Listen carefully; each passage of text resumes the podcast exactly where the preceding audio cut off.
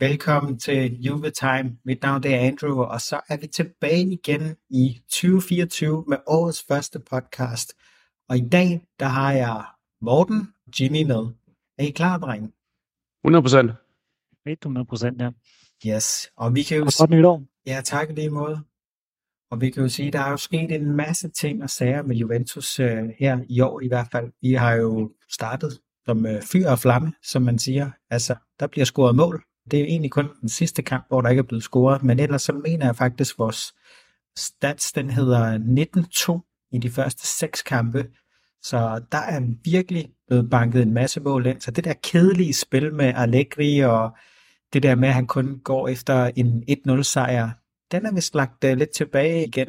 Ja, jeg ved ikke, om det er Manjanelli, der har haft noget med det at gøre, men uh, der er i hvert fald sket ting og sager i Juventus, og man kan godt mærke både nede i Torino, når jeg snakker med folk dernede fra og, og rundt omkring i verden, folk er begyndt at tro på, at det her Juventus kan noget.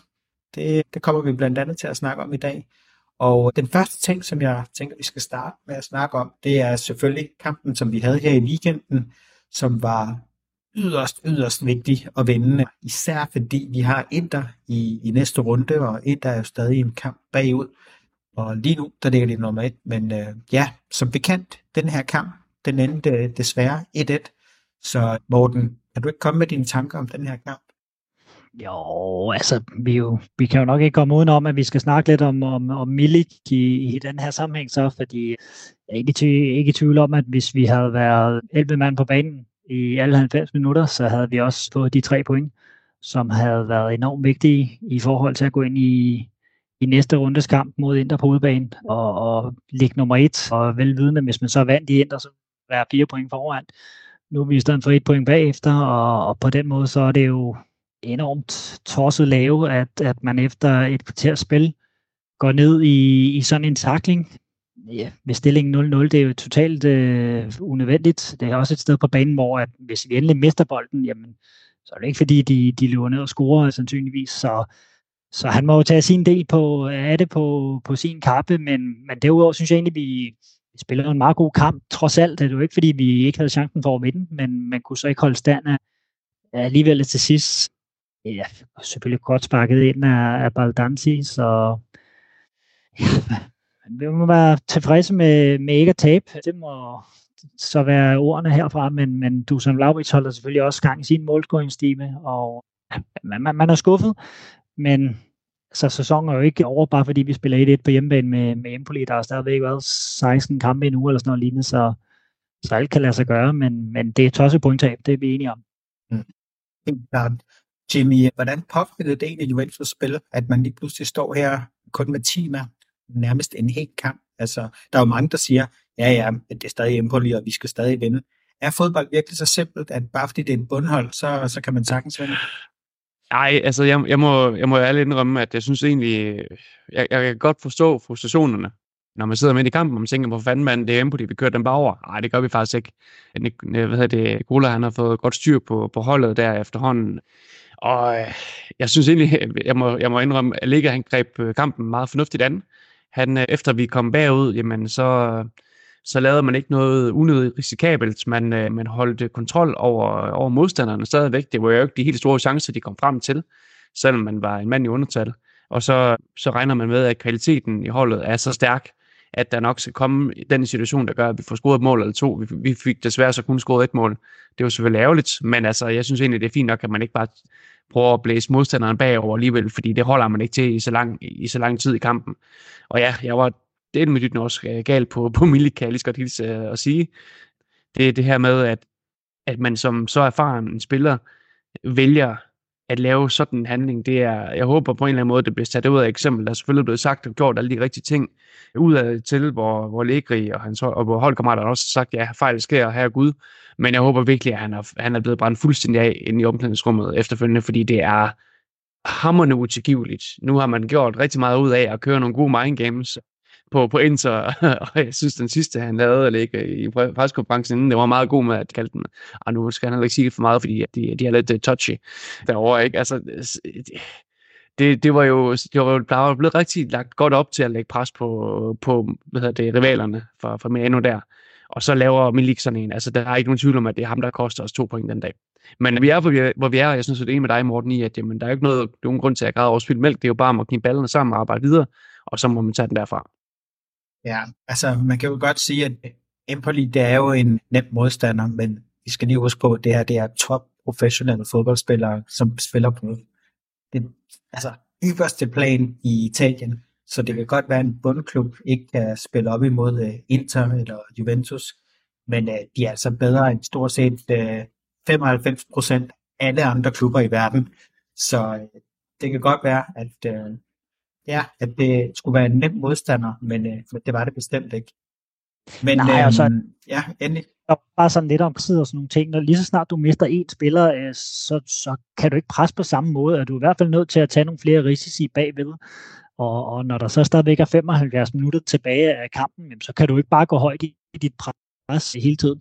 Og det sjove er jo rent faktisk, at øh, det, det lykkes jo Miretti rent faktisk at erobre en bold lidt højt i banen, hvor han øh, forudser en, en aflevering, som går fra deres højre bakker ind i, i centret på den centrale midtbane som jo er en stor chance, men som, som må, må vi også sige, deres, deres ene centerforsvar, han kommer desværre øh, rigtig flot tilbage og får, får blokeret den, men der havde vi jo faktisk en chance for at, at kunne komme foran allerede i første halvleg, og gøre det så i, i starten af anden halvleg.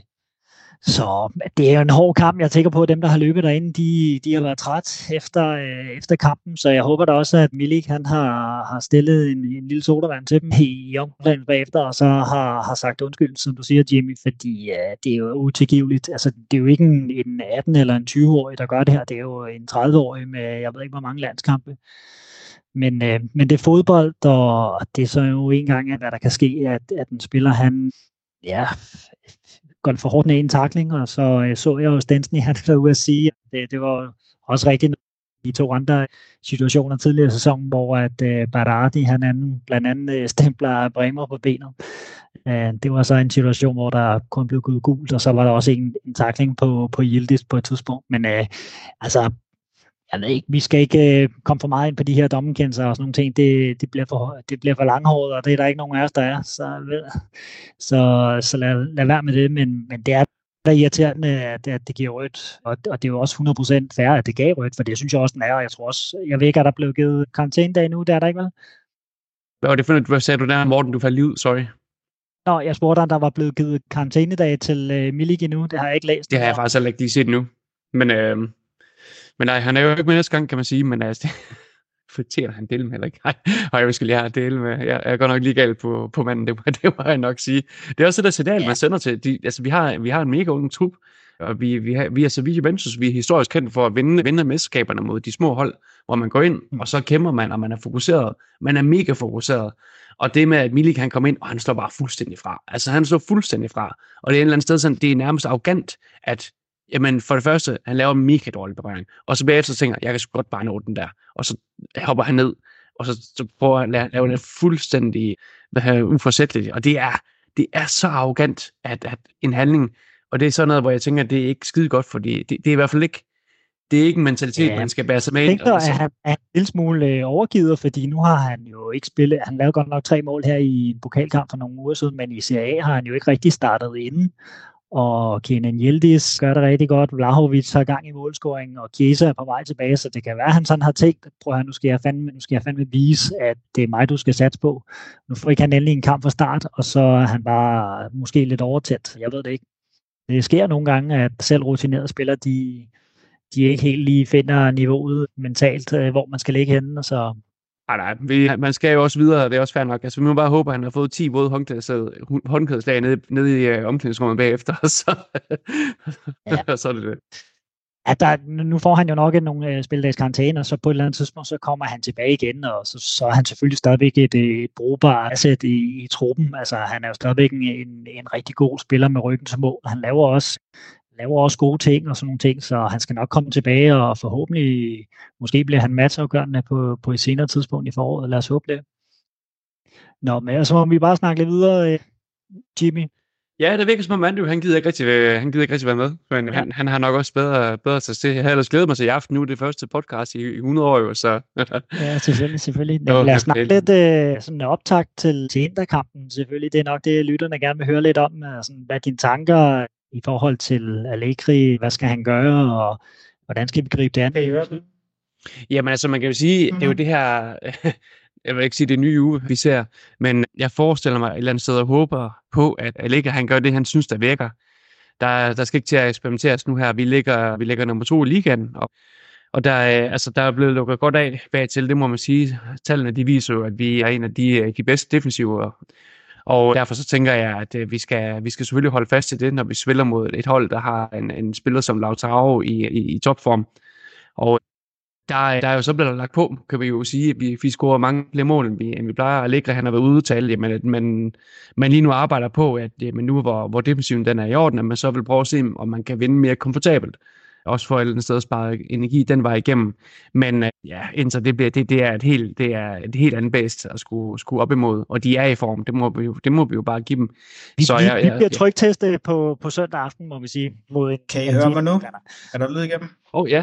Endelig. Sådan, Nå, lad os lige prøve at holde os til agendaen her, fordi jeg har jo ligesom nogle punkter, vi skal have fuldt. Jeg havde lige et teknisk problem, så jeg ved ikke lige, hvad der skete.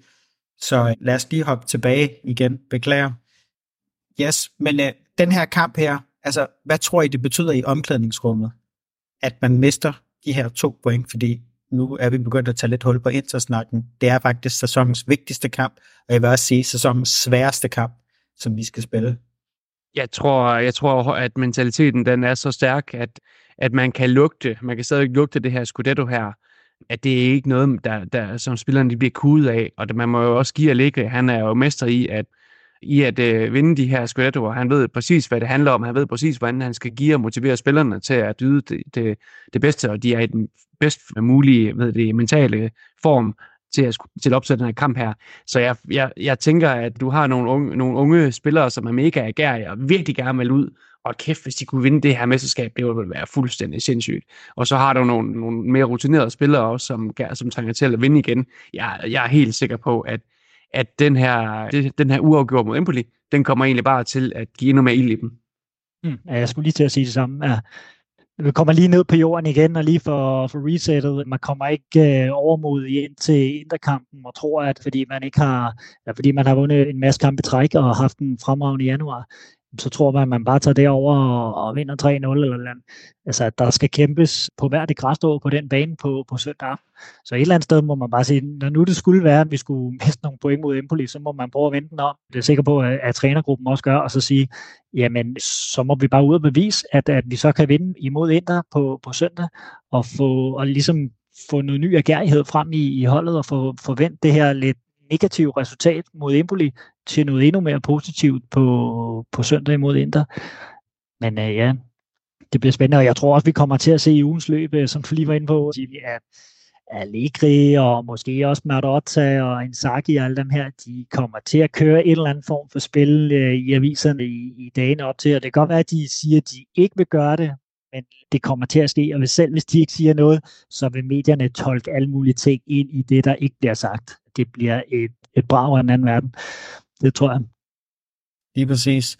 Og, men nu ved jeg godt, du siger, at vi ikke skal tale om dommerkendelser, men alligevel, altså, det er ikke fordi, man skal sige, at der er nogen, der bliver favoriseret eller ej. Altså, jeg har ikke noget imod dommerkendelser. En ting, jeg bare synes, der er vigtigt, det er, at linjen skal være den samme.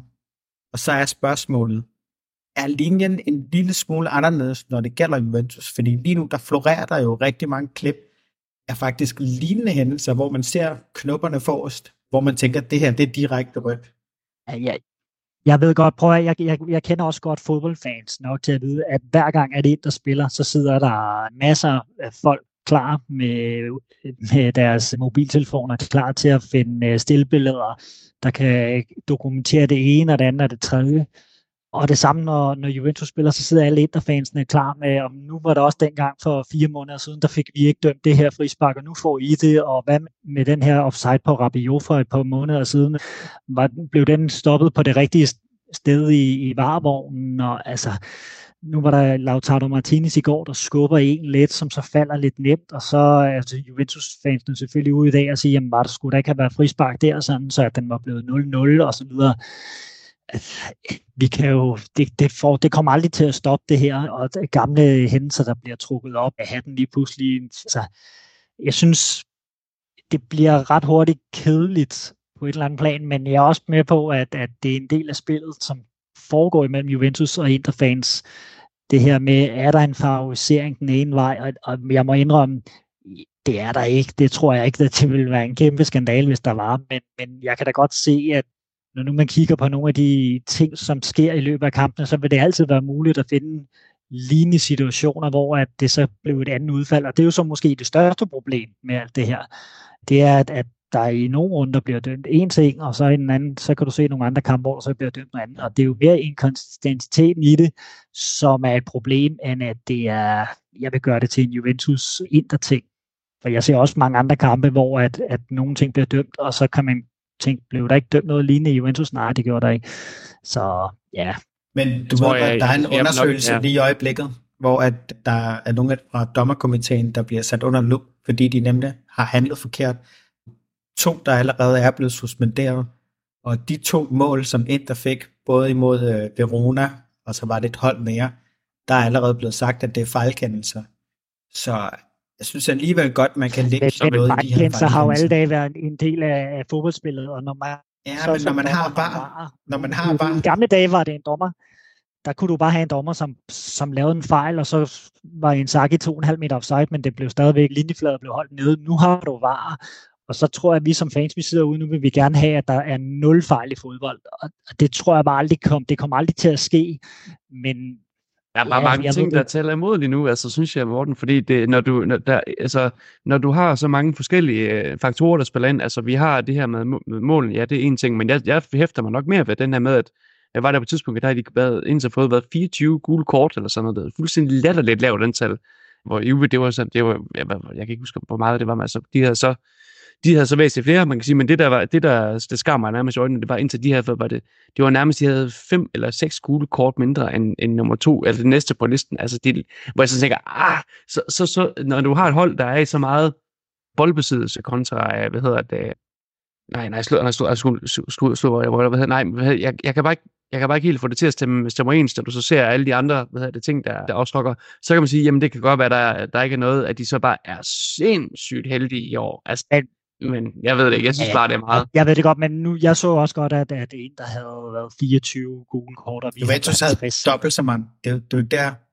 At, men man så også spænde om at sige, at en, der er jo også et hold, som har bolden mere, end vi har. Altså, så chancen for at lave et frispark er jo altså også større, når man ikke har bolden. Altså, vi, vi ligger vi på sådan noget, jeg ved ikke, 45 procent i boldbesiddelse eller sådan noget lignende.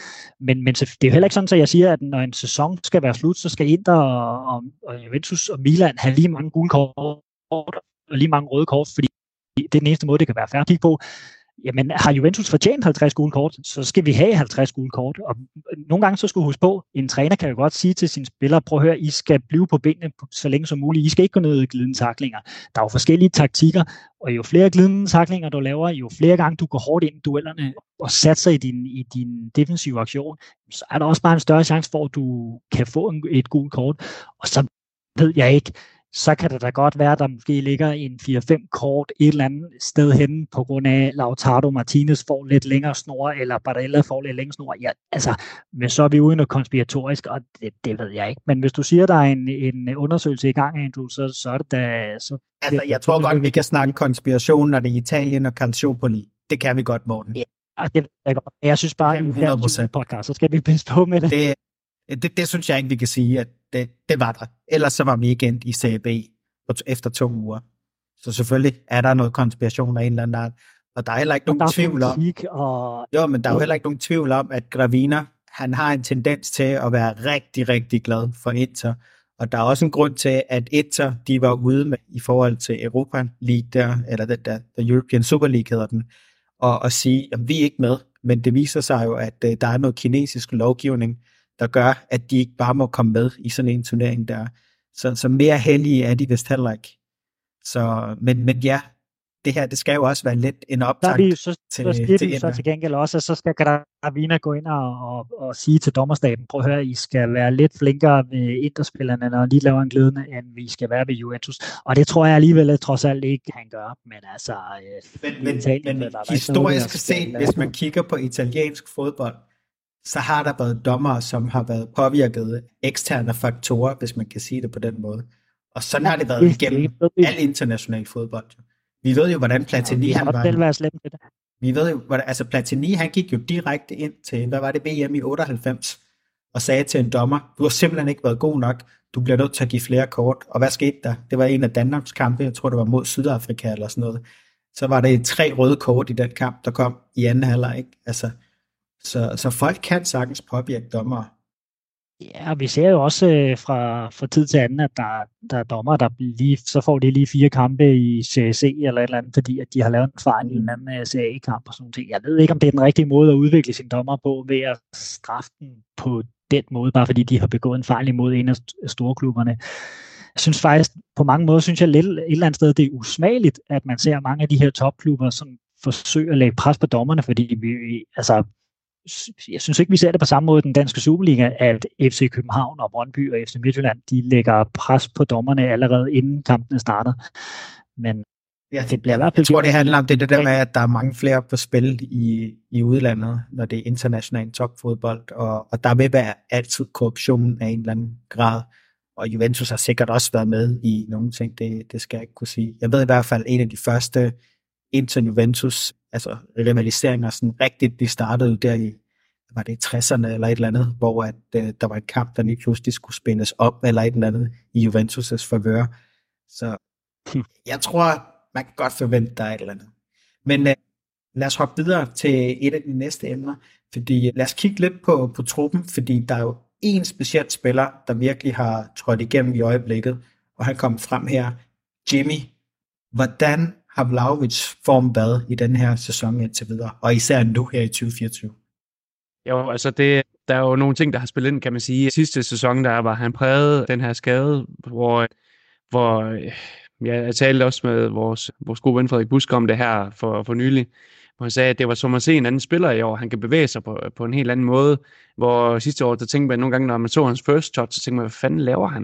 Det er som om, altså, så, som om han ikke rigtig han ikke rigtig kunne, altså, kunne altså det, det er så nærmest helt unaturligt ud, når han, når han mister ting, hvad, hvad, hvad er det, der sker? Men altså manden, han, han har jo haft mega ondt, og det er, det er væk nu. Når man så kommer fra en sæson, hvor man har været i en, en 80 millioner handel, og ikke rigtig har levet op til forventningerne, og samtidig har været skadet, så er der jo to ting, du skal tilbage fra. Du skal selvfølgelig tilbage fra de fysiske skavanker, som der holder tilbage, så skal du tilbage, tilbage rent mentalt og psykisk, og så komme, komme ind i en turnaround, sådan, så du virkelig kan få noget kontinuerlig form og få banket nogle mål ind, sådan så det, det, hvad hedder det, det, det ene mål tager det andet, så at sige. Og der, der tror jeg et eller andet sted, at øhm, Liga, han har været god til at, øh, at presse ham på den rigtige måde. Altså, vi ser sjældent, at der ligger han er ude og skamrose Vlahovic i medierne. Jeg tror et eller andet sted, at han er, han kan godt være en af Ligas sådan hemmelige ynglinge, som han, som han virkelig man kan sige, pæser og pisker, fordi det er det, han har brug for alene Vlahovic. Og der formen, den taler for sig selv. Altså han, udover at han scorer nogle, nogle virkelig flotte mål, og han scorer mange af dem, jamen så er det bare som at se en, en, en forvandlet hvad hedder det, fodboldspiller inde på den bane, fordi jamen, han er endelig fri af sine skader, han kan rent faktisk bruge sin fysik, som han er, jeg vil sige, som han er født til nærmest. Mm, og man kan også se, at der er jo de her videoer af Allegri og Vlaovic, hvor at uh, Allegri fortæller ham, det er sådan her, du skal holde på bolden. Og ærligt, jeg synes faktisk, man kan se det, fordi nogle af de ting, jeg har kigget efter, det er det der med, hvor placerer han sig på banen, hvordan holder han på bolden, hvordan får han den ekspederet videre. Han er altså blevet en langt bedre nier, end hvad han nogensinde har været. Og jeg vil faktisk også våge at påstå, at han har udviklet sig som spiller fra at være den der offensiv angriber, der kun deltog i, i kontraangreb, som det var sådan meget af i Fiorentina, til at han er blevet en langt bedre holdspiller. Lidt ala Lukaku. Hvor øh, ser vi den her udvikling på vej hen, Morten? Kan han holde den her form, eller, eller er det bare en januar måned, der har været god? Ej, altså jeg forventer ikke, at han i februar også laver syv mål i seks kampe. Jeg tror, at han lige nu måske har en lille overpræstation, og så tror jeg, at han kommer ned og ligger på sådan en leje, hvor han måske laver en 3-4 mål på en sæson, eller på en, på en måned, og det, det er sådan set også ganske fint. Altså lige nu har han lavet 7 i 6, tror jeg. Det er så over en i snit per kamp. Det kan man ikke forvente, at en angriber i Serie A skal gøre.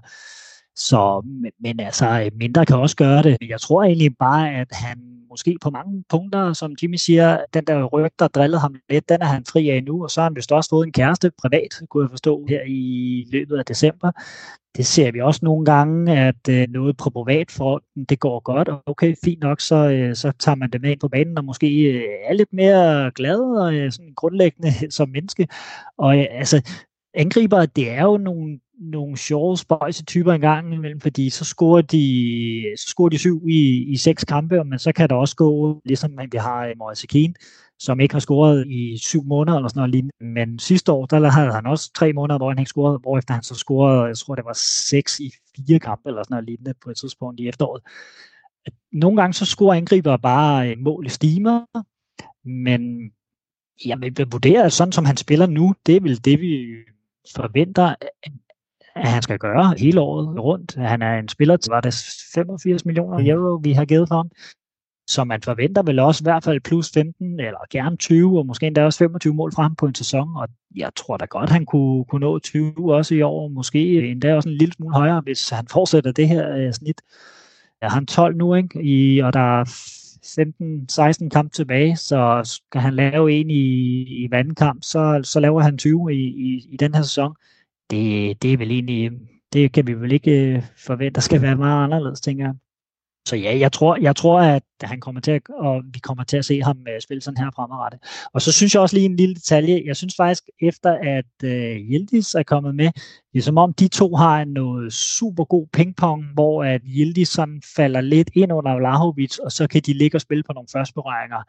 Og så har Vlahovic egentlig også været meget god til at komme med ned i banen, og så spille den ud til Kostic ude i, i venstresiden. Det synes jeg også, vi har set nogle gange, at, at det er noget, han gør. Så men i øvrigt rigtig set Jimmy med, at han er, han er god på, på sin første berøringer. Der er sket et eller andet der, om det så er Legri, eller, eller hvem der har været inde og arbejde med ham, men et eller andet er der sket, at de øh, for 10 måneder siden, der kunne han ikke tæmme en ladport, men det kan han jo. Det er også sådan, jeg synes, det er så fedt også at se hans, hans frisparksmål og hans, hans, hans skudteknik. Det, er, det, det bringer simpelthen det bringer mig tilbage til den, til en spiller som øh, Alvaro Recoba fra, fra ja, vores rivaler øh, Inter, den her fuldstændig vanvittige kurvebold, som bare mm. kommer som et lyn for, for altså, en klar himmel. Altså et mega hårdt skud, som alligevel har den her kurve. Det, det er ikke mange, man ser lave det. Men der synes jeg godt nok, at han har en fed skudteknik. Og i og med, at han virkelig kan sætte sig igennem med kroppen, så tror jeg også, at det er noget af det, vi ser nu her, at jamen, han er ikke han er, han er, han er den spiller, vi, vi købte og, og, og har alle sammen set frem til. Og jeg tror, at han kommer til at brænde brænde ligaen af resten af, af sæsonen her. Det tror jeg simpelthen. Lad os håbe det. Mm. Det er sjovt, jeg så faktisk en statistik, han har scoret på fire af de sidste fem frispark, han har scoret. Eller spark. det, er, det er en vanvittig statistik. Det er sådan lidt yellow øh, Til gengæld har han også brændt de to sidste øh, straffespark, han har sparket, så det kan han så ikke finde ud af. Nej, den, den skal vi have kæser til at tage. Det, det, ja. det. Ej, jeg er enig, men, men, men fortsætte for lige at, at blive i Dusens spor der. Altså, det er jo også fair nok, den kritik, han har, øh, har fået her. Nu sad vi og snakker om ham for et par måneder siden, hvor han ikke scorede. Han så godt lige en god kamp mod Lazio på et tidspunkt, men ellers har det jo været sådan lidt pø om pø med ham. Jeg synes egentlig, at kritikken har været fin nok af ham, fordi han har ikke øh, spillet øh, specielt godt i mange kampe. Virkede han sådan, jeg vil ikke sige umutigt, men han virkede som om, han ikke havde tro på tingene. Og, og så er det ligesom om her siden november, december, der er der sket et eller andet med ham, og han er begyndt at komme mere med i spillet, og så har han bare gået fuldstændig amok her i januar. Så må vi se, hvor lang tid han kan holde, holde det kørende, men øh, han må godt holde det kørende i hvert fald i en kampstid nu. Ja, vi vil gerne lige have en brace igen. Altså jeg tror også, det der altså, er en stor faktor, det er det mentale aspekt, fordi han er altså lige fyldt 24 år. Er det i går eller sådan noget? Og han kommer fra Fiorentina. Han rykker op til Juventus, som er en af de største klubber i hele verden det er et helt andet pres, der er på en spiller, og det er bare ikke alle spillere, der er klar til at tage imod det her pres. Vi så det samme med Morata. Han havde også de her problemer i Real Madrid, at øh, der var lidt mentalt, der, der manglede. Jeg tror, at han er vokset nu og blevet lidt mere moden, og, og det er derfor, at han er simpelthen blevet bedre. Så er der også en anden spiller, vi skal have snakket om. Jimmy. Ham får du lov til at sige noget om, for han kommer her. Hvad i alverden er der sket med McKenny? Altså det var manden, der blev sendt afsted til Leeds i anden halvdel af sidste sæson. en mand, som man ikke havde tænkt sig at tage med på USA-ture, og så tænkte man, ah okay, han er amerikaner, vi skal brande os, vi tager ham med alligevel. Men uh, manden er jo nærmest kommet tilbage, som uh, Crime Punk var. Ej, det, det, er på få, det er nu par ganske få kampe, vi har set det i, men jo, hans, hans, det er som om, at hans tekniske niveau, niveau at det er, at det er stedet. Jeg synes, at det passer egentlig meget godt rent taktisk, at Allega, han vælger den her konstellation, hvor han, han switcher rundt på wingback og højre venstre med Tata, så de får lov til at gå lidt ind og ud i, i, i banen. For McKennie, han, han tager sig altså virkelig, virkelig godt ud på den der højre wingback også. Selvom hans foretrukne plads, det er, det er med Tala-positionen, så, øhm, så det med, at han, han kommer derud og får lov til at udfordre, det er jo sådan noget, jeg tænkte, men hvor, hvor i verden kommer det fra? han sætter lige pludselig øh, flere spillere og, og, og har faktisk et, et udmærket slutprodukt, hvad det går, når han så endelig skal give bolden videre. Så, så nej, der er sket noget, og han, man, man får nogle gange sådan lidt, jeg ved ikke om det nærmest er blasfemisk, men nu, nu nævnte de Platini før, så vil jeg nævne Bonini. Øh, Bonini med, med at holdets lunger, han løber sindssygt meget, og selv de kampe, hvor man så tænker, okay, det var sgu ikke lige på backlonen, vi havde med at gøre med her, så løber, så løber han rigtig mange negative kilometer, og er altid god for at lukke hullerne, så, så nej, der, der har vi altså en rigtig god spiller, og ja, vi kunne godt savne, at vi har den her gode kreative midtbanespiller, som, som der kan, øh, kan sætte noget spil op, og det er ikke ham på, på samme måde. Jeg tror aldrig helt, at han bliver den spiller, men, men til det han skal, og det han kan, der udfylder han rollen mega godt, det må man sige. Så han, øh, han er et aktiv for os i år i, i allerhøjeste grad. Han har faktisk slået nogle gode indlæg også i, i den her sæson ud fra, fra Vinkenparken mm. derude. Han blandt andet ham, der laver indlægget til uh, 2-1-mål imod Frosinone, ikke? hvor han køler den ind i hovedet på, på Vlahovic. Han har gjort det godt, og så, som du siger, jeg synes, en af, en af de gode, en af de ting, jeg allerhelst kan lide med ham, det er, at han kan dække flere pladser. Godt lige over en hel sæson, når man har nogle spillere i truppen, som kan afhjælpe problemer, hvis der er skader et sted, jamen, eller en karantæne et sted, jamen, så kan de gå ind og, og hjælpe. For eksempel, nu ved jeg godt, at han ikke er på samme niveau, og han er heller ikke til rådighed i øjeblikket, men Desilio har jo mange år været den her spiller, hvor at hvis du havde en anden skade på en vingbak eller en bak, så smed du bare Desilio derover. Du vidste godt, at du fik ikke øh, en Cafu eller en øh, Roberto Carlos kamp fra ham, men det var trods alt brugbart over 38 kampe i en sæson. Og der synes jeg et eller andet sted, at McKinney er lidt af den samme type. Altså han kan bruges flere forskellige steder. Jeg tror også godt, han kunne spille register, hvis det, hvis det kom dertil, at Locatelli gik i stykker eller et eller andet. Og han er jo forholdsvis billig spiller i drift, så jeg synes helt klart, at han er berettet til, til truppen. Det eneste, jeg tænker, det er, hvis Juventus om nogle år skal op og være blandt de otte bedste i Europa, for eksempel, at det så med McKennie på holdet, så skal han i hvert fald nok udvikle sig en lille smule, og han er nok også nødt til at lægge lidt, lidt mål på. Det har han ikke scoret i år, det har han faktisk gjort de andre sæsoner. Men jeg synes ikke... Fik du lige stjålet et mål, så øh, det skal man ja, men de, andre, de, de første sæsoner, da han spillede hos os, der, der mindte jeg faktisk, at han scorede ret mange mål for os, fordi han kom tit ind i feltet, og så kom han med hovedstød, og så, så scorede han blandt andet på, på Camp Nou, tror jeg, han scorede mod Barcelona. Mm. I ja, de der, der gode dybe løb der, ja. Ja, og den, den, den del har vi så manglet lidt fra ham i år. Til gengæld synes jeg faktisk, at han er blevet bedre teknisk sådan i, i spillet på banen, så synes, han er god. Men det er jo fordi, han spiller mere på kanten, Morten. Tænker du det? Jo, jo, jo. Så kommer han ikke i, i de der løb ind i feltet, som han, gør, som han gjorde, da han lå inde på, på Masala inden. Ja, altså jeg tror også, det handler om, at rollen har været anderledes. Men en ting, som jeg synes, han har været, det er, at teknisk har han altid været god. Altså han har altid været god til at sætte en mand og lave noget fiksfakseri med bolden. Jeg tror, at der, hvor han har udviklet sig, det er i forhold til sin vision for spillet. Det der med at kunne forudse, hvor skal jeg lægge boldene, og så beslutningsevnen, at han simpelthen bare tager bedre beslutninger, end hvad han gjorde før. Jeg synes faktisk, at han er utrolig god på bolden i øjeblikket, ja. og han er utrolig god til at lægge og han er faktisk blevet ret god til at lægge sådan nogle 30-40 meters dybe afleveringer. Den der aflevering vi til Vlahovic. til Yildiz også. Han lavede også ja, en til Yildiz. I Nacho-kampen på hjemmebane, hvor Vlahovic han scorede fantastisk mål, hvor han tager den ned med brystet det er også McKennie, der lagde den bold. Så, mm. så han har bygget på i den sæson, men det, det var også uh, tiltrængt, for han var, han var godt nok også dårlig i sidst. Det skal vi huske på, men det bliver spændende at følge ham i den her sæson, om, uh, og så bliver det spændende at se, hvad vi gør til sommer, fordi nu har han en god sæson her. Hans værdi nok også steget lidt. Men hvad gør Juntoli? Casher han ind på det, eller lader han ham blive, blive truppen til næste sæson? Så skal man jo have en upgrade på plads jo, hvis det er, ikke? Ja, det, det, det er jo klart, at at hvis man uh, lader McKennie gå væk, så skal du have en anden spiller ind, og McKennie er vist nok den spiller, der har spillet tredje flest minutter, så, så det er også lidt et sats at skille sig af med ham, hvis det endelig er. Men det er klart, at der findes jo bedre spillere på markedet end, end McKennie, men, men øh, jeg ved det ikke. Jeg er ikke så sikker på, at han bliver faktisk, men uh, vi bliver klogere. Du må godt uh, bookmark det her, og så kan I grine af mig til, til september. Men du tror, at han måske øh, har en fod på vej ud? Jeg tror faktisk, at midtbanen er det sted, hvor vi har lidt udfordringer med at finde de rigtige profiler.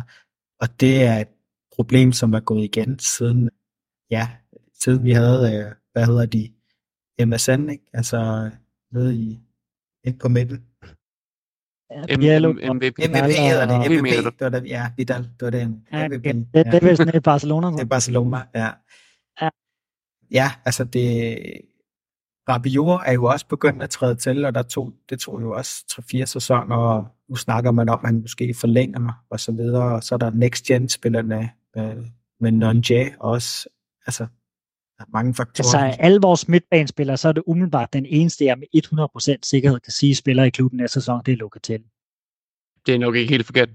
Ja, jeg tror også, at Jolie han spiller. Nicolucci, han spiller formentlig ikke Juventus. Medetti, han kunne måske godt ryge på udlån. Rabiot, han, ham ved vi, hans kontrakt, den, den udløber, men der er måske 50-50 på, han bliver og ikke gør. Så er der McKennie, altså han har jo en høj værdi, og hvis, hvis I, de engelske Premier League-klubber, de sidder og kigger Juventus i øjeblikket, så ser de jo det samme, som vi ser, og det er, at han gør det rigtig godt. Mm kommer der et bud på 30 millioner euro til, til McKennie. Altså, vi kunne ikke sælge ham for 20 for syv måneder siden, men, men han har jo gjort det godt, så jeg ved ikke, altså, hvis vi får et bud i den region igen, jamen, så tror jeg da godt, vi måske kunne finde på at cash ind på ham. Og så tror jeg, så der kommer Fagioli selvfølgelig tilbage. Han er nok også, han bliver. Øh, han er nok også en... han, han bliver. Det, så, det, så det er så to spillere, der er med sikkert. Ja. Yes, så går vi fra McKennie over til skal vi kalde ham fænomener? Hvad skal vi kalde ham? Jimmy, hvad kalder ham? Han kommer fra. Åh, oh, jeg troede, det var Bulgarien, du satte på. Sorry. Åh, oh, Yildiz, ej, det er, det er fuldstændig vanvittigt. Altså, jeg, jeg, havde, jeg havde faktisk ret høje forventninger til ham, det må jeg sige, men, men de er, de er blevet blæst helt væk. Der, det, er jo, det er nok ikke tilfældigt, at, at uh, vores ikoniske tier, Del Piero, han, han har ragt ud til ham. Altså, de er jævnlig kontakt, Del Piero og Yildiz, så, så det er det er jo nok lidt guidance for, for, for mesteren, hans, øh, som er jo Illis stor idol, som han, han så får med på vejen, og det er jo rigtig, rigtig positivt. Det virker også uh, som en, en, en ung gut, som Allegri, han har, han har vurderet, jamen nu er han simpelthen klar. Han har ikke ville smide ham for løvene for tidligt, og jeg ved, jeg ved, jeg holder stadigvæk fast i, ja, Allegri, han har sine fejl, men jeg holder stadig fast i, at jeg synes faktisk, at han er rigtig, rigtig, rigtig dygtig til at handle de unge spillere. Og, og, og historisk set også været det. Jeg har altid snakket meget om, men det startede allerede i AC Milan-tiden, hvor han har bragt øh, ved det, rigtig, rigtig gode unge spillere frem i sin tid. Og der ser vi nu her med Yildiz, at det er det nyeste på skud på stammen. Og jeg tror ikke, at jeg har set det samme rå talent nærmest som, som jamen, det, jeg tror nærmest, det er Pedri af de andre nye unge talenter, vi har set i, i, i, i, i, i den nyere tid, som, som har det der virkelig, virkelig rå talent. Og der, der er Yildiz.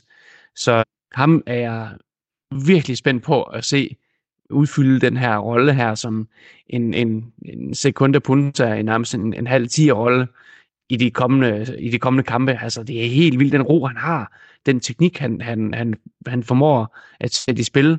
Han er komplet uimponeret over modstanderen hver gang han er på banen, og han træffer bare de rigtige beslutninger. Og så er han ikke bange for at, at gå efter guldet, og så uh, virkelig virkelig prøver så, så lægge nogle mål på, det er, det er simpelthen den type, vi har manglet. Og jeg forestiller mig, hvis han bliver i klubben, og nu siger jeg det bare, jeg tror altså godt, han kan være en spiller, der bærer øh, trøje nummer 10 om et par år, hvis han holder den her udvikling. Fordi det er et helt exceptionelt stort talent, vi har med at gøre her. Synes jeg, det er min, det er min vurdering. Det er der slet ikke nogen tvivl om. Det man også skal huske, det er, at øh, det, er jo en, som vi har opsnappet i Bayerns Akademi i sin tid. Altså, han har jo fået sin fodboldopvækst i, i Bayern, og da han var helt ung til han var omkring de der 16 år der, og han kunne lave en professionel kontrakt. Og der var Barcelona faktisk også ude efter ham. Men han valgte Juventus. Ja, der er jo helt klart nogle grunde til det, fordi han er jo også en, der har været stor tilhænger Juventus, siden han var barn. Netop det med, at Del Piero var et af hans helt store idoler. Altså, det, jeg rigtig godt kan lide ved ham, det er, at øh, han er eddermame kynisk, når han sparker. Altså, det er nogle fede mål, han laver. Han tænker ikke alt for meget, han sparker bare. Især det seneste mål, han lavede. Det er sådan et halvt karatespark i luften. Altså, de fleste angriber, de vil nærmest lige tage den ned, og så spark, eller prøve noget andet. Men ham her, han laver det jo sådan lidt akrobatisk ala Zlatan. Ikke fordi han skal sammenlignes med Zlatan, men han var jo netop kendt for at sparke på de vildeste måder. Det, der kan blive rigtig sjovt nu, det er, hvad gør vi, når vi har Vlaovic 100% fedt, Yildiz 100% fedt, og Chiesa 100% fedt. Jeg ved, hele Juventus Nation, de vil i hvert fald sige, vi vil se de her tre på banen. Morten, kommer Mister til at tænke på det, eller vil han ikke gælde balancen? I den her sæson, så tror jeg ikke, at Allegri han kommer til at ændre i selve systemet, altså 3-5-2-opstillingen.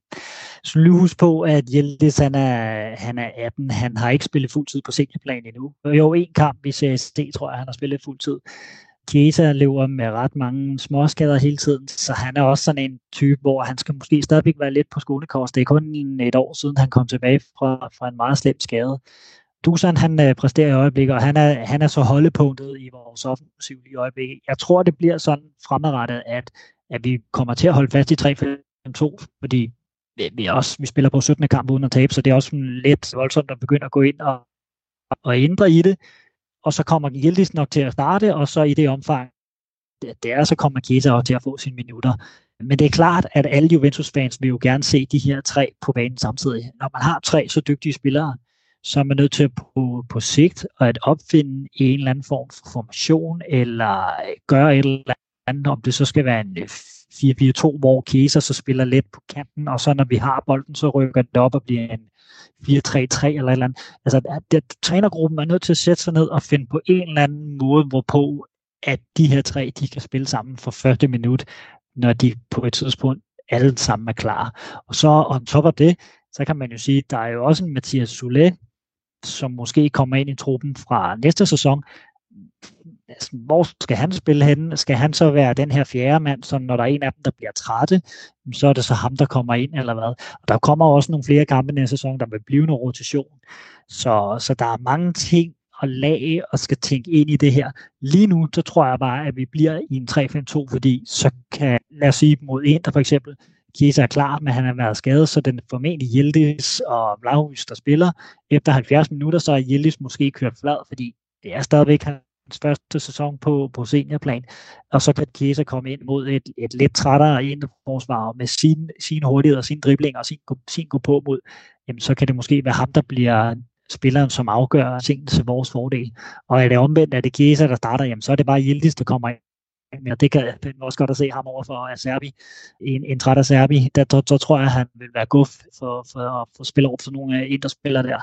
Så ja, men det, det bliver spændende, men, men jeg, kan ikke, jeg kan ikke sætte mig ned og så lave et hold, hvor jeg lige nu kan sige, at vi kan spille med de her tre på banen, uden at det på et eller andet plan vil gå en lille smule ud over balancen. Og når man så laver sådan en skift som træner, så skal man også forstå, at der vil jo komme en eller anden form for, altså der vil jo være en ændring, det vil sige din løbemønstre, måden du presser på, alle de her ting, det, det skal lige bearbejdes det gør man selvfølgelig bedst i en, i en sommerperiode, hvor man har mange, meget tid til at klare det. Det har vi selvfølgelig også i et eller andet omfang nu, med at vi kun spiller én kamp om ugen, men igen, det er svært at, at sige, at vi skal, vi skal skifte system, når vi spiller så godt, som vi gør. Ja, så kan man jo sige, at hvis ikke vi kan skifte system, så kan vi skifte rundt på lidt spillere. Altså, jeg ved det ikke med 100% sikkerhed, men jeg har hørt nogen sige, at han faktisk også kan spille med Zala-pladsen i stedet for Miretti.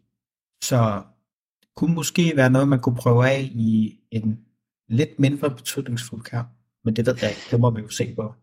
Ja, det, det kunne man selvfølgelig prøve. Det vil jeg sige, når du så rykker ham lidt længere tilbage på banen, så naturligt giver du ham jo også nogle flere defensive opgaver. Når du så giver ham lidt flere defensive opgaver, kan man så stadigvæk forlange, at han skal spille med samme drive og, og de her små ryg og retningsskift, som han laver eller kommer han for langt tilbage på banen til, at det har den samme værdi, som når vi ser ham modtage bolden helt ude på venstre, venstre kanten.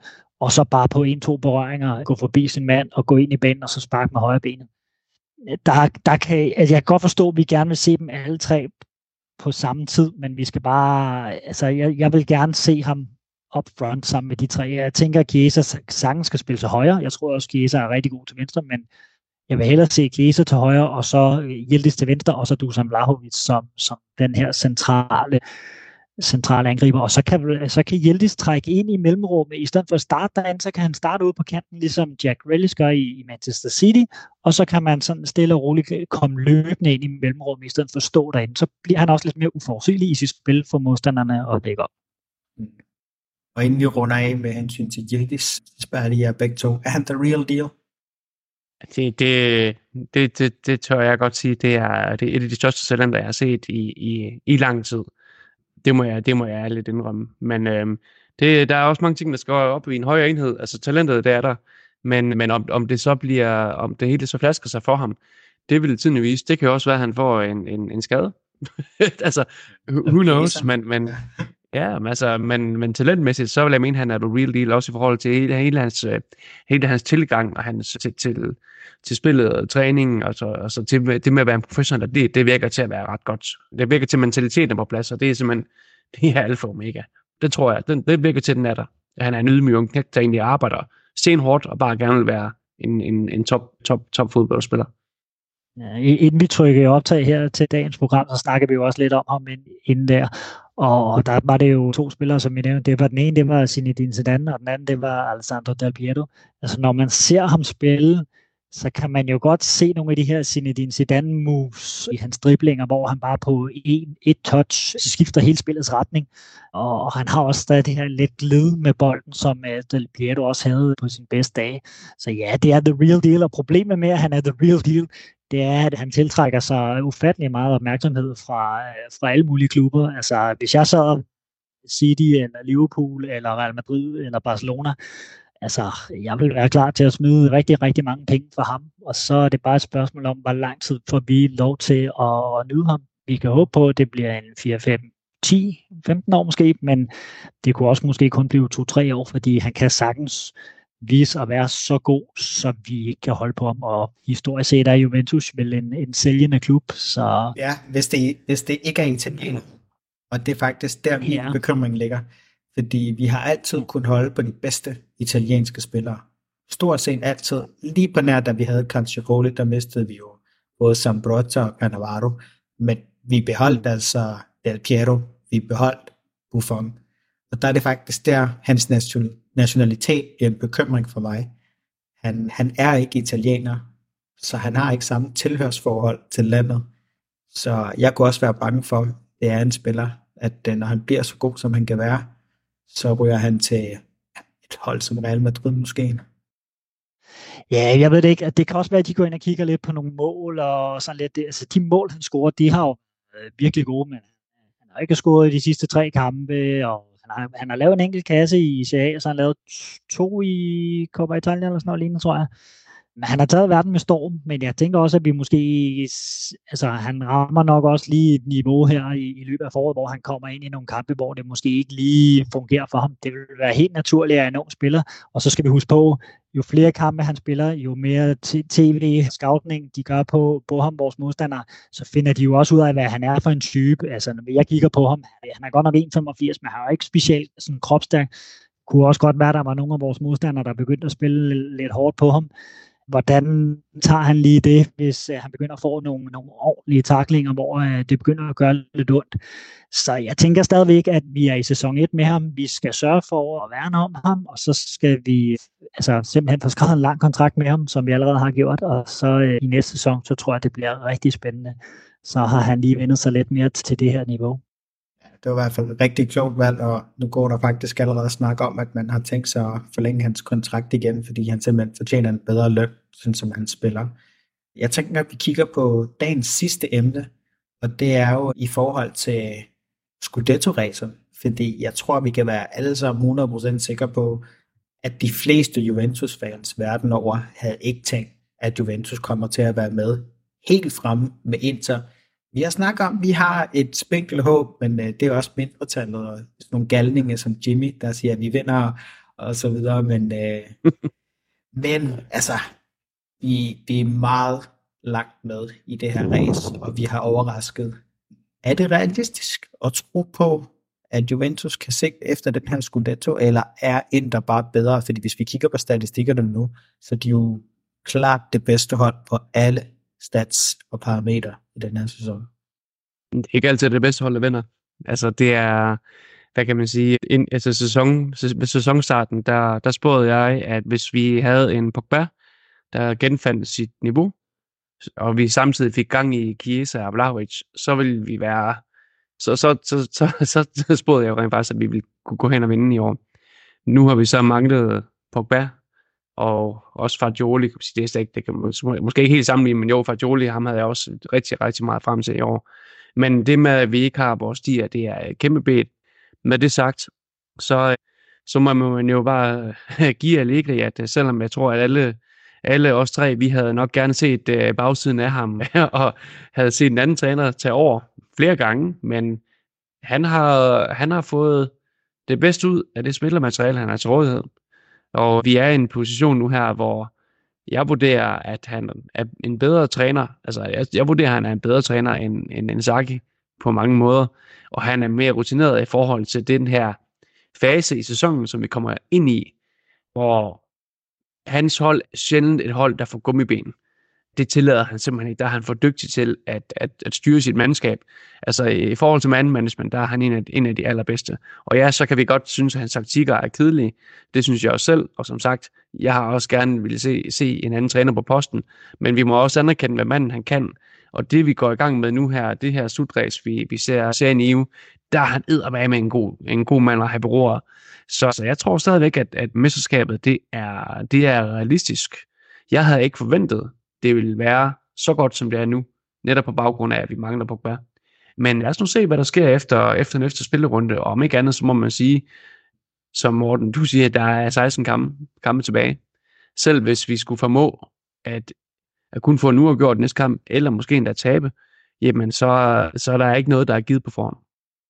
Nej, en, en deres kamp, den de har i hånden, det er imod Atalanta på hjemmebane, og Atalanta kan jo meget godt spille i øjeblikket, så, så det er jo ikke givet, de vinder den, men, men altså, vi må også sige, hvis vi taber på, på søndag, og de så vinder deres kamp over Atalanta, så er vi så syv point efter i slutningen af februar.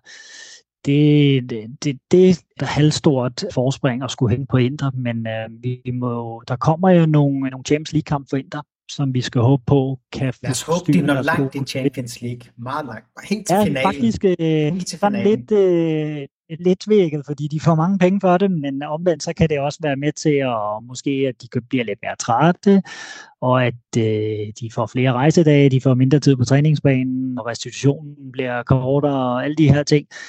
Øh, det kan måske gøre, at man lige tager til, nu siger bare, Cagliari eller et eller andet udbanekamp, hvor man sikkert den vinder ind, der er helt 100% sikkert, og så fordi de lige har noget andet for øje i en eller anden udbanekamp i Champions League, så går de måske hen og taber eller smider det point. Altså, det er jo sådan noget, vi skal håbe på i forhold til, om Juventus kan blive...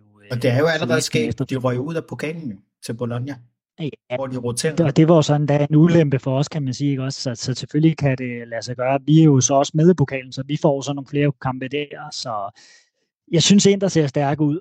Og lige nu vil jeg nok sige 80-20 til, til Inter. Juventus er også et godt fodboldhold. Og hvem ved, hvad der sker, hvis Inter lige pludselig rammer en to-tre dårlige kampe, begynder måske at betvivle lidt deres eget niveau, eller rytmen bliver brudt, og en Saki begynder at skal opfinde nye systemer, eller et eller andet. Jeg ved det ikke, der kan ske mange ting. En skade til Lautaro. Så kan det godt være. Ja, det, altså det er jo, prøv at høre, det er jo sådan noget, vi er ude i. Ja. Jeg ved godt, det lyder latterligt, at hvis det er den måde, man skal vinde på, men det, det er jo, altså Barella, Jan Sommer, måske endnu mere vigtigt, at hvis han kunne blive øh, skadet, fordi deres, øh, deres reservekeeper, han er ikke meget værd. Altså, men Lautaro selvfølgelig også, altså, det er da, det er da svagt, hvis det er den måde, man skal vinde på. Men, men, men det er jo sådan, vi har jo mistet Pogba, ikke? Så, så det er jo fair nok. Jo, jo, jo. jo. Det... Men, men Pogba har jo måske aldrig været inde i billedet, så jeg ved ikke, hvor meget vi kan, vi kan tilskrive ham. Altså, jeg ved heller ikke, om vi nødvendigvis har været et bedre hold. Jeg tænker også, at han var røget ind i en skade i den her sæson alligevel. Så, men, men ja, altså, jeg synes, Juventus er et, et virkelig godt fodboldhold.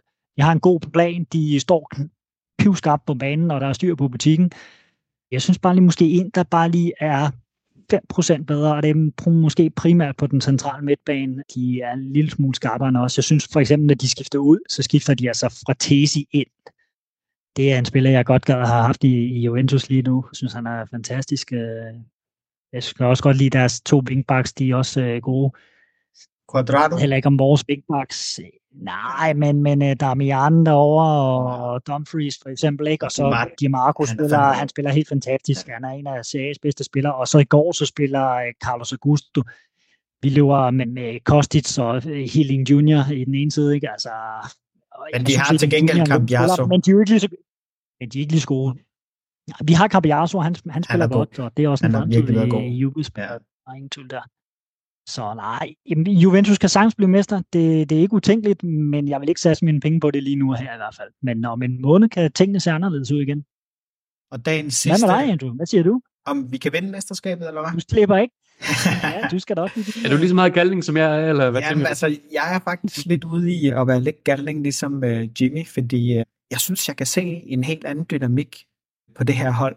Vi spiller meget bedre fodbold. Det virker som om, at der er en gameplan, og det, der har manglet i sidste sæson, og det her, det er rent subjektivt fra min side, det er, at øh, Allegri, han har manglet sine individualister på den offensive del, fordi Allegris filosofi, det er, at vi skal spille sikkert, og den offensive del, den har været meget overladt til sådan nogen som Dybala, men vi har ikke haft et spiller som Dybala. Det vil sige, at vi har manglet den her kreativitet op i front, der lige pludselig kan et eller andet, og det har vi også snakket med Paul utallige gange om at øh, kreativiteten har manglet, den har vi altså lige pludselig fået ind med Gildis. Og hvis vi også har en Chiesa, der holder sig kørende, så har vi altså to spillere, der kan skabe både assist og mål og chancer ud af ingenting. Mm. Og jeg tror også, det er en faktor i forhold til, at vi scorer flere mål. Så hvis vi kan holde de vigtigste spillere fedt, så tror jeg godt, at vi kan i interkamp til streg. Og i den henseende, så er Rabiot jo også nødt til at blive snakket ind i det her, for jeg synes faktisk godt, man kan se en lille smule forskel på Juventus' niveau, når han ikke er med på midtbanen. Jeg ved ikke, hvad det er, for jeg kan ikke sige til dig, at jeg synes, han er en altså, fantastisk fodboldspiller, hvad det er. Han, er. han har bare en kæmpe motor, og det er som om, at når ham og Locatelli de er med, så ved man bare, okay, så taber vi i hvert fald ikke. Fordi de skal nok få løbet solen sort og få lukket samtlige huller, der gør, at vores forsvar de ikke kommer problemer. Og han har været lidt ude her de sidste par kampe sådan med lidt, med lidt småskade, så, men han meldes klar til på lørdag, det, eller søndag hedder det, så det er jo det er positivt, men han er altså også en, en meget undervurderet spiller, synes jeg. Ja, det er jo ikke for sjovt, han bliver kaldt for Crazy Horse, så øh, jeg tror, mm. han kan noget. Yes, så bliver det de sidste ord. Kampen på søndag. Jimmy, du får lov til at svare. Hvad sker der? Nej, jeg tror, vi... Åh, Ja, jeg ved ikke, altså, hvis jeg skal, hvis jeg skal tage lige fra, fra hjertet, så vinder vi jo 2-1. Og der har vi scoret et mål, og så uh, scorer vi et, et yderligere et mål på, på hjørnespark, hvor Bremer han er op og, og Thomsen ind. Og så, uh, ja, så er der selvfølgelig nogen, der kommer til at græde over det, men, men de er jo lidt touchy over i, over i den del af Milano, så det er jo sådan der. Nej, jeg ved, jeg tror, jeg tror, vi, jeg tror godt, vi kan gå hen og vinde den kamp. Okay. Jeg siger, at vi vinder 1-0. Og en målscorer, det bliver... Ah, det er svært. Jeg siger bare, Chiesa, han, kommer, han bliver skiftet ind og scorer. I år. Ja, og det må, i overtiden, og det må godt være på sådan noget, hvor der er noget med noget var indover, som så går bort. Ja. Yes, jeg, jeg er virkelig meget på Twitter dagen efter. Det er det, jeg siger. Oh, ja, ej, det, kunne, det kunne være smukt. ja. Og hvad siger du, Andrew? Ja, men øh, jeg tror også, at det bliver en rigtig kontroversiel kamp. Jeg tror, at det bliver en af de mest intense kampe i Serie den her sæson, hvis ikke den mest intense, og, og vi kan ikke spille mod Inter, uden at der sker et eller andet fuldstændig i den ene eller den anden ende. Så jeg tror, det bliver sådan en grim kamp med mange ja, hårde fysiske dueller, og jeg tror, begge hold scorer, og jeg tror faktisk, at vi vinder kamp. Jeg tror, at Juventus har lige det, der skal til for at slå dem, og et, der kan leve med det her nederlag, fordi de vil stadig føre sig af, hvis de vinder deres kamp, som øh, de har ekstra. Så jeg tror, at de bedre kan leve med det, fordi vi skal også lige huske, det er altså ikke særlig lang tid, der er til deres kamp mod Atletico Madrid. Så, så den kommer de også til at have i baghovedet. Vi er heldigvis fri for Champions League, så Ja. Det bliver, jeg synes, det er et, et ja, den aller sidste ting, jeg lige vil sige, det er jo, at, at, at Juventus går jo ind til kampen på den måde, som Allegri allerhelst vil gribe en kamp an på. Og det er det her med at være underdogs. Altså, jeg ved ikke, hvor mange gange jeg har siddet og set, at man tænkt, vi kommer i problemer i dag, og vi har ikke en chance. Og så på en eller anden måde, så har han bare på indstillet holdet til altså, at stå fuldstændig perfekt i samtlige faser af spillet, og så på en eller anden magisk måde, så kommer der lige et hjørnspark eller en kontra eller, eller andet, og så vinder vi sådan nogle kampe der. Jeg har set det så mange gange. Og det er, hans, det, det, han kan, det er, når vi er underdogs, så går han ind og gør et eller andet, som, som gør os til et bedre fodboldhold. Det er faktisk en mega god pointe, Morten. Altså man kan selvfølgelig sige, ja, det har været nogle, med nogle andre mandskaber, men det er jo, det er jo, det er jo hans tilgang og det er, det, der, der, der har han et eller andet unikt taktisk blik for, for, for spillet, og det, er, det er faktisk en, en rigtig god pointe. Ja. Det, er, det bliver lidt ligesom en, en finalekamp, også selvom det ikke er nogen finale, så bliver det ligesom, ligesom en finalekamp, det er jeg ret sikker på. Jeg tror, der kommer spillertumult, og jeg tror, der kommer, vi kommer til at få det hele at se. Det bliver virkelig ikke nogen... Und... Jo, det bliver en underholdende, men det bliver eddermame en kamp. Der kommer det hele. Man, altså, han kommer, dommeren kommer til at stå ude ved var, var ja. hvad hedder det, kamp i, i 32 minutter kamp, altså noget garanteret. Ja, ja så har I uh, 28 procent boldbesiddelse til Juventus og fire skud på mål, hvor et af dem rammer ind på målet, og det er så det, vi scorer på. Ja, formentlig. Det, det, den står skrevet i solen. Den køber jeg. Den køber jeg. Gutter, det, godt, det var fantastisk at se jer igen og snakke om Juventus. Jeg synes, vi skal gøre det snart igen, og derfor så holder vi for i aften og siger tusind tak til alle dem, der lyttede med, og så satser vi på en sejr her i weekenden. Så uh, gutter, endnu en gang tusind tak. Forza Juve. Forza Juve.